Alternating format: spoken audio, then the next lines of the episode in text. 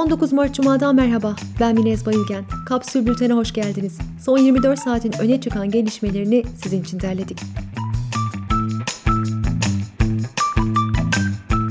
Yargıtay'ın HDP'nin kapatılması için açtığı davanın iddianamesi hazırlandı. İddianamede 687 HDP'liye 5 yıl siyaset yasağı istendi. Bu isimler arasında Selahattin Demirtaş, Pervin Buldan, Mithat Sancar, Sırrı Süreyya Önder, Meral Danış Beştaş ve Ertuğrul Kürkçü de var. Siyasal iletişimci Necati Özkan son dönemde yaşananlar ve Ankara'daki kaynaklarından edindiği bilgiler ışığında bunun bir erken seçim hazırlığı olduğunu söylüyor. Özkan, konuşulan dar ve daraltılmış bölge sistemini Trump'ın ABD'de uygulamak istediği kazanan hepsini alır stratejisine benzetiyor. Türkiye'de kapatılan partilerin daha da güçlendiğini söyleyen MAK Danışmanlık Başkanı Mehmet Ali Kulat'a göre ise HDP'nin yerine kurulacak parti en az %15 oy alır. Vekilliği düşürülen HDP'li Gergerlioğlu geceyi meclisteki HDP toplantı odasında geçirdi. Gergerlioğlu AYM'nin kararı çıkana kadar meclisten ayrılmayacağını söyledi. ABD Dışişleri Gergerlioğlu ve HDP'ye kapatma davası açılmasına ilişkin mesaj yayınladı. ABD Türkiye'den anayasaya ve bağlı olunan uluslararası yükümlülüklerin öngördüğü ifade hakkına saygı göstermesini istedi.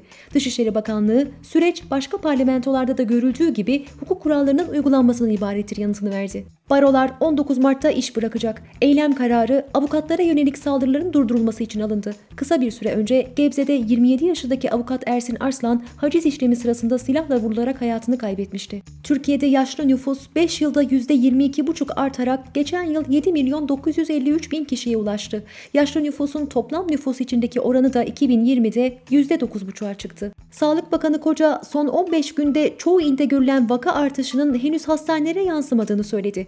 Pfizer-BioNTech aşısının testlerde kullanılacak olan ilk 5800 dozunun geldiğini aktaran Koca, uygulanmak üzere bu ay 4,5 milyon doz daha gelecek. Bu aşıda sırası gelenlere yapılacak dedi. Karadeniz Teknik Üniversitesi'nden Profesör Doktor Faruk Aydın, varyantın Trabzon'da görülme oranının %50'nin üzerinde olduğunu açıkladı.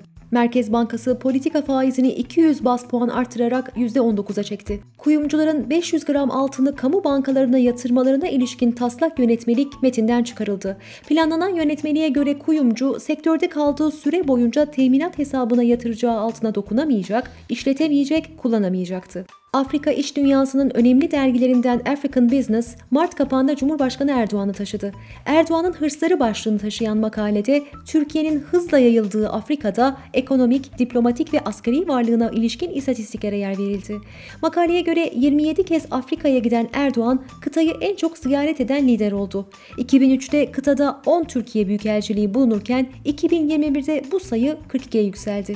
ABD Başkanı Biden'ın Rusya lideri Putin için katil demesinin ardından Rusya, Washington Büyükelçisine Moskova'ya çağırdı.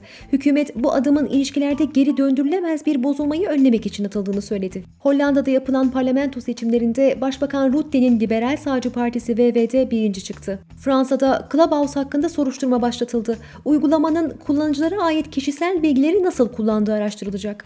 Günün sözüyle kapatıyoruz. Vaka haritasında çok yüksek riskli grupta yer alan Konya'da esnaf Mevlana Meydanı yakınlarında masa ve sandalye yaktı. Artık dayanacak gücümüz kalmadı. AK Parti kongreleri lebalep doluyken virüs sadece esnafa mı var? Kapsül'ün ev bültenlerine abone olmak için kapsül.com.tr'yi ziyaret edebilirsiniz. Hoşçakalın.